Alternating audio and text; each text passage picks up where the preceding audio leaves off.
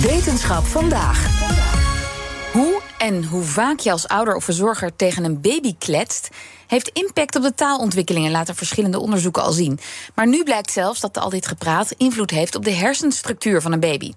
Daar gaan we over praten met wetenschapsredacteur Carlijn Meinders. Hey Carlijn. Hoi. Ja, was jij daar heel bewust mee bezig? Heb jij veel gekletst tegen je zoontje? Um, niet, niet, ik was niet bezig met hoe vaak, denk ik. Dat gebeurde meer een beetje natuurlijk. Maar wel uh, niet te kinderachtig praten, bijvoorbeeld. En heel veel voorlezen. Jij? Uh, ja, ik was wel een kletser tegen de baby's.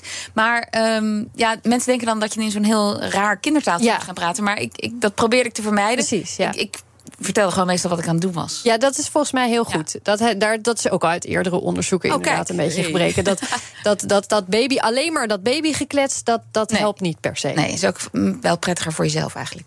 Ja, zeker. Maar goed, dat het zin heeft, dat wist al wel, hè? Ja, dat het invloed heeft op de taalontwikkeling. Ja, precies. Uh, um, dat er dus voordelen zitten aan het praten tegen jonge kinderen. Voor uh, vocabulaire, voor taalverwerking. Uh, de resultaten van een onderzoek van vorig jaar bijvoorbeeld... naar depressieve klachten bij moeders van jonge baby's van zes maanden. Die lieten al zien dat baby's van deze moeders gemiddeld gezien achterlopen bij de verwerking van spraakklanken. Ja, dat is echt wel heftig. Omdat er dus minder tegen ze gepraat wordt. Is dat het idee? Ja, ja dat is wat de onderzoekers dachten. Uh, uit nog een onderzoek uit 2014 zou blijken dat kinderen in de testgroep waarvan de ouders het minst tegen ze praten, het slechtst presteerden op taaltesten. Zij hadden een achterstand van zo'n zes maanden tegen de tijd dat ze rond de twee waren. Wil natuurlijk niet zeggen dat dit niet in te halen is. Maar in dat onderzoek waren er kinderen die hier later op school ook nog last oh. van hadden. Tot wel zes jaar later nog steeds. Het is dus wel aannemelijk in ieder geval om te denken: kletsen in de buurt van baby's, aan ze voorlezen, praten tegen ze is belangrijk voor de taalontwikkeling. Maar nu is er dus een nieuw onderzoek. En waar hebben ze daar naar precies gekeken? Uh, Engelse onderzoekers wilden daarin dus weer kijken naar het effect van spraak in de buurt van jonge kinderen. Maar je kunt natuurlijk niet duizenden uren achter elkaar bij allemaal verschillende gezinnen met een microfoon gaan staan. Hm. Is te veel werk, maar ook niet heel erg natuurgetrouw. En ook niet heel fijn voor die gezinnen, lijkt me. Eentje neerzetten heeft er als nadeel dat je niet de hele tijd op dezelfde plek bent met je kind.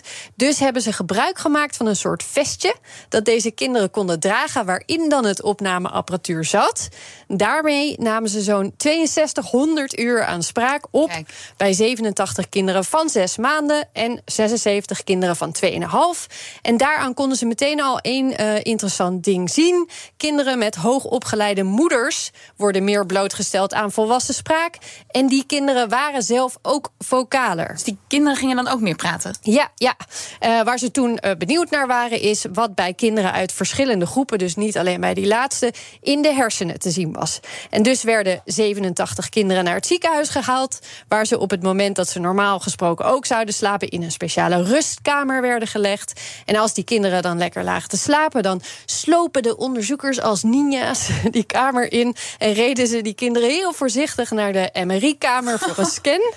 Uh, dat is vast niet elke keer nee, goed gegaan. Ze zullen uh, vast een heleboel wakker zijn geworden onderweg. Maar het is wel vaak genoeg gelukt om wat interessante hersenactiviteit te spotten. En, en waren ze dan ook echt naar een specifiek iets op zoek in die hersenen? Ja, ja ze waren uh, vooral benieuwd naar myeline. Dat is een, de, de witte, vetachtige stof die zich rondom zenuwcellen bevindt.